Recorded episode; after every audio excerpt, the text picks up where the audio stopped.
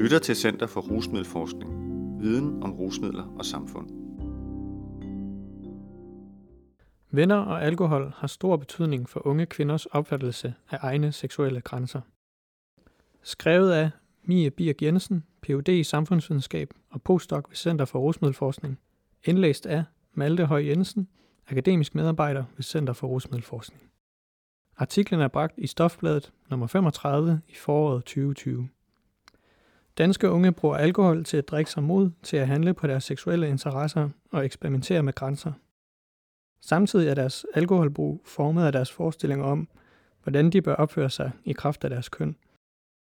For unge kvinder betyder det, at alkohol kan gøre det svært for dem at skelne mellem, hvornår en seksuel oplevelse var sjov, grænseoverskridende eller et overgreb. Forskere har påvist, at unge kvinder ofte møder modsatrettede forventninger til deres opførsel, når de drikker sig fulde og går til fest. På den ene side forventes de at være seksuelt frigjorte og eksperimentere med sex og grænser, når de drikker. På den anden side kan det have store konsekvenser for unge kvinders sociale relationer, når de har sex, fordi de modsat unge mænd risikerer et dårligt rygte. I forskningen har man også påvist et såkaldt kønnet mulighedsrum, hvor nogle faktorer, såsom alkohol, kan øge eller indskrænke ens handlemuligheder og grad af ansvar i kraft af ens køn. Det kommer blandt andet til udtryk, når unge kvinder tildeles et større ansvar, når det kommer til seksuelle overgreb, hvis de drikker alkohol. For eksempel, hun skulle ikke have drukket så meget, mens mænd i højere grad fritages for ansvar. For eksempel, han var jo fuld, så han kunne ikke styre sig. På den måde kan kombinationen af fest, alkohol og sex udgøre et socialt minefelt for unge kvinder.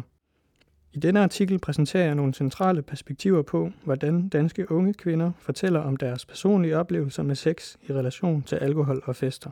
Artiklen er baseret på min forskning i alkohol og køn, der udspringer af en større undersøgelse foretaget på Center for Rusmiddelforskning i 2015 til 2016. I undersøgelsen blev der interviewet 140 unge mennesker mellem 18 og 25 år, og her fokuserer jeg på de unge kvinders fortællinger om sex med mænd. Alkohol kan være særlig risikofyldt for unge kvinder. I tråd med den eksisterende forskning i alkohol og køn gav mange af de unge i undersøgelsen udtryk for, at kombinationen af alkohol, fest og sex er særlig risikofyldt for kvinder. Det risikofyldte bestod i høj grad i, at indtag af alkohol kunne gøre det svært for kvinder at afvise seksuelle tilnærmelser eller sige nej til sex, hvis de havde drukket meget. Flere af de deltagende af forskellige køn fremhævede derfor, at det var vigtigt for kvinder at være påpasselige med deres promille, så de ikke kom ud i situationer, hvor de kunne risikere, at andre udnyttede deres tilstand. Dette bevirkede, at mange af de unge kvinder, der havde haft grænseoverskridende oplevelser med sex i forbindelse med fester, primært problematiserede deres eget alkoholforbrug. For eksempel fortæller Tina, det var ikke fordi, det var voldtægt eller noget. Jeg tror bare, han havde tænkt, hun er så fuld, at hun ikke registrerer noget. Eller et eller andet. Jeg tænker bare, at jeg var et let offer. Måske at jeg havde fået for meget at drikke. Jeg husker ikke noget af det overhovedet. Jeg husker bare, at jeg vågner op, nøgen i min seng og tænker, hvad fanden er der sket? Det kunne jeg ikke huske. Så det er lidt påpasselig med ikke at drikke for meget, så det sker. Tina fortæller her om en fest, hvor hun har været så fuld, at hun har glemt, hvad der er sket. Hun ved dog, at hun har haft sex, men fremhæver, at hun har været ude af stand til at sige nej. Til trods for dette kategoriserer hun bevidst ikke sin oplevelse som voldtægt. Hun var jo fuld. Ligesom Tenna lægger Linnea også vægt på, at hun har været for fuld til at sige nej til sex. Hun fortæller, Jeg var så fuld, at jeg ikke kunne stå på mine ben, og jeg knaldede med en eller anden fyr. Det formoder jeg også. Jeg har i hvert fald ikke sagt ja til det, men jeg skulle nok heller ikke sagt nej, så det er der ikke noget at gøre ved. Men det er selvfølgelig nederen. Det er klart, når jeg har knaldet med en, som jeg ikke engang kan huske, at jeg har knaldet med. Linnea giver her udtryk for, at hun ikke har været i stand til at samtykke til sex, fordi hun var stærkt påvirket. Alligevel tilskriver hun ikke den anden part ansvar, men fremhæver i stedet sin negative oplevelse af at have knaldet med en, uden at vide, hvem det var. Efterfølgende fremhæver hun dette som en medvirkende grund til, at hun har holdt op med at drikke. Ligesom mange andre unge kvinder, så problematiserer Tenna og Linnea i høj grad deres eget alkoholbrug og ansvar, i stedet for at problematisere, at andre har udnyttet, at de har været ude af stand til at sige ja eller nej til sex. De illustrerer hermed en bredere tendens blandt deltagerne i undersøgelsen, hvor alkohol og køn spiller en afgørende rolle for, hvor de unge mener, at grænsen mellem sex og voldtægt går. En sjov historie eller en ubehagelig oplevelse? Den måde, de unge kvinder, der deltog i undersøgelsen, tilskriver betydning til deres oplevelser med sex, påvirkes dog ikke alene af alkohol. Deres fortællinger var især påvirket af, hvordan deres venner havde reageret, samt hvordan deres oplevelse relaterede sig til egne forestillinger om køn og sex. Kvindernes beskrivelser af, hvordan de havde det med deres oplevelse, udsprang således ikke nødvendigvis af, hvordan de umiddelbart havde haft det på tidspunktet, men også af en lang række andre faktorer. Deres oplevelser med sex og alkohol var derfor ofte ambivalente, i det de beskrev det på flere måder, eksempelvis som sjovt, ubehageligt, okay og klamt. Det ser vi blandt andet i interviewet med Tanja, der siger, Det var syret, at jeg har været i seng med en uden at have vidst det. Det var ubehageligt. Det ville man egentlig gerne selv have kontrol over. Men det viste sig at være okay, for han var virkelig sød, og vi datede faktisk i et stykke tid. Jeg har også fået det afmystificeret over for mine venner. Når man fortæller det til dem, så er det ikke bare en eller anden hemmelighed, man har. Så bliver det lidt mere okay. Så bliver det også bare sådan en sjov historie, man har. Og det var også sådan en sød, fin og veluddannet fyr. Det havde været noget andet, hvis det var en helt anden. Tanja beskriver det som ubehageligt, at hun ikke kan huske, at hun har haft sex, mens hun var fuld. Til trods for dette ubehag, så bliver hendes oplevelse efterfølgende til en sjov historie, når hun snakker med sine venner om det. Det, at han er en sød og veluddannet fyr, som er interessant i fortsat at se hende, bliver også helt centralt, da hun gør opmærksom på, hvorfor det endte med at være en sjov historie, snarere end en ubehagelig oplevelse. På en lignende måde fortæller Marie om en aften, hvor hun var blevet så fuld, at hun havde kastet op og var blevet lagt i seng af sine venner, hvorefter en fyr, hun tidligere havde kysset med, kom op på værelset til hende. De havde sex, mens der lå andre og sov i rummet, og hun fortæller. Det fortryder jeg, og det er nederen. Det havde jeg jo ikke gjort, hvis jeg ikke havde haft drukket. Det er sådan mærkeligt at tænke tilbage på, for jeg tror ikke, at jeg egentlig har tænkt over, hvor lidt jeg måske i virkeligheden har haft lyst til det i situationen. Altså, jeg snakkede med mine veninder om det, men det blev mere bare sådan en joke. Vi havde også noget kørende bagefter, så jeg ved ikke. Det er ikke, fordi jeg følte afsky over for ham. Ligesom Tanja så fortæller Marie her, hvordan hendes oplevelse blev til en sjov historie i mødet med hendes venner, og i kraft af, at hun havde noget kørende med ham efterfølgende. Dette til trods for, at hun også beskriver, hvordan det var en nederen oplevelse, og under interviewet reflekterer over, hvor lidt hun egentlig havde lyst på tidspunktet. For Tanja og Marie, såvel som for mange andre kvinder i dette studie, så er det, der er afgørende for, om en grænseoverskridende oplevelse med sex bliver noget, de fortryder, eller en sjov historie, altså hvordan vennerne reagerer, og hvorvidt de dater personen efterfølgende. Brud med normer. De kvinder, der ikke datede personen efterfølgende, gav i højere grad udtryk for modstand over for vennernes opfattelse af, at deres oplevelse var en sjov historie. For eksempel fortæller Anne-Sophie. Jeg har ingen idé om, hvem han er. Jeg kender ikke engang hans navn. Min veninde synes, det er sjovt, men jeg synes ikke, det er sjovt.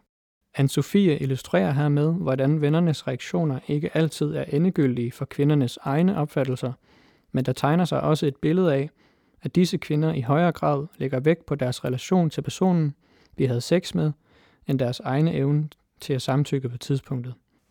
Dette illustreres også af, hvordan de unge kvinder, der selv havde taget initiativ til sex, mens de var fulde, også kunne skamme sig eller føle sig ulækre, netop fordi de havde sex med en, de ikke datede efterfølgende.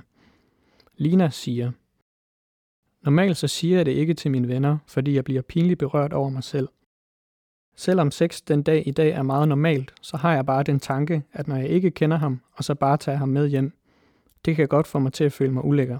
Jeg burde måske være bedre til at lade være med at være så frembrusende, fordi jeg er fuld, eller fordi jeg har lyst og jeg tror, at jeg føler mig mere klam, hvis andre ved det. Lina illustrerer her, hvordan hun er klar over, at kvinder i stigende grad kan og bør kunne indgå i seksuelle relationer på lige fod med mænd i kraft af den forandring, kønsrollerne har undergået. Alligevel skammer hun sig og holder det ofte hemmeligt for sine venner, fordi hun har sex med nogen, hun ikke kender i forvejen, eller fortsætter med at se. På den måde oplever Lina disse førnævnte modsatrettede forventninger om, at kvinder både bør være seksuelt frigjorte og respektable på én gang, når de drikker sig fulde. I min forskning bliver det herved tydeligt, hvordan unge kvinder i Danmark ofte anskuer sex som særlig ambivalent i forbindelse med alkoholbrug og fester. Det, der er afgørende for, hvordan de forstår deres oplevelser med sex, bygger dog ikke på, hvorvidt de har haft lyst eller taget initiativ. I stedet fokuserer de på, hvorvidt de lever op til forestillinger om passende adfærd, som opfattet både af dem selv, deres venner og andre, for unge kvinder i forhold til seksuelle partnere og alkoholbrug. Der mangler enighed om, hvad der er sex og hvad der er voldtægt. Ingen af disse unge kvinders fortællinger er historier om voldtægt ifølge de unge kvinder selv. De fortæller om de her oplevelser, når de i undersøgelsen er blevet spurgt ind til, hvilke oplevelser de har haft, når de har drukket alkohol. For eksempel om der er noget, de fortryder, og om alkohol spiller en rolle i forhold til at skrue. Jeg vil argumentere for, at disse unge kvinders fortællinger ikke bare handler om unge mennesker, sex og alkohol, men også afspejler en generel forvirring og uenighed i samfundet om, hvad der udgør voldtægt og hvad der udgør sex. Seksuelt samtykke bliver i disse år debatteret ivrigt. Politikere og aktivister har i stigende grad støttet op om en samtykkebaseret lov om voldtægt, det vil sige en lovgivning, der definerer voldtægt ud fra, om parterne frivilligt har givet deres samtykke til sex i ord eller handling. Til trods for en stigende politisk interesse for samtykke, så peger min forskning på, at seksuel samtykke sjældent er i fokus blandt de fleste unge kvinder, når de taler med hinanden og andre om seksuelle oplevelser i forbindelse med, at de har været fulde. Det kan være en konsekvens af, at det frem til 2013 ikke var betragtet som voldtægt i den danske lovgivning, hvis man var ude af stand til at modsætte sig seksuel samkøm, eksempelvis fordi man var meget fuld eller sov. Lovændringen i 2013 betød, at samleje med en person, der er ude af stand til at modsætte sig, for eksempel fordi de er for fulde, også betragtes som voldtægt.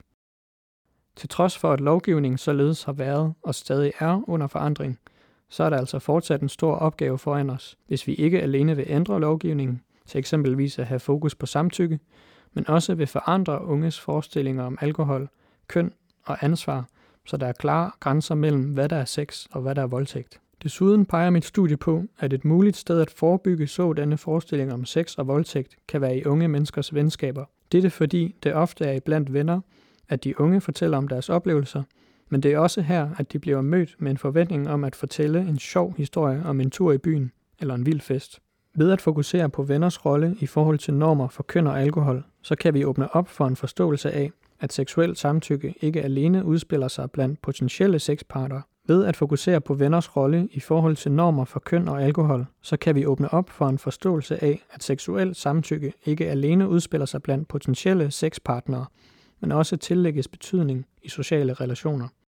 Denne proces har jeg valgt at kalde for en forhandling af socialt samtykke, fordi sex, grænser og voldtægt ikke alene påvirkes af lovgivningen eller af sociale normer præget af forståelse af køn, det vil sige såkaldt kønnede normer, men også af de sociale relationer, man indgår i, eksempelvis med sine venner. Jeg har her udelukkende fokuseret på unge kvinders fortællinger, fordi det var dem i undersøgelsen, der fortalte mest om oplevelser med sex og alkohol. Dog vil jeg opfordre til at udvide dette fokus i videre forskning og forebyggende indsatser. Til trods for, at alle undersøgelser lavet indtil videre peger på, at langt flere kvinder end mænd udsættes for seksuelle overgreb i Danmark, så er det vigtigt at have øje for, at de selv samme mekanismer og normer, der kan gøre overgreb usynlige blandt unge kvinder, også kan påvirke unge med andre køn eller seksualiteter. Artiklens referencer læses ikke op, men kan findes i artiklen i Stofbladet eller online på www.rusmiddelforskning.dk-stof.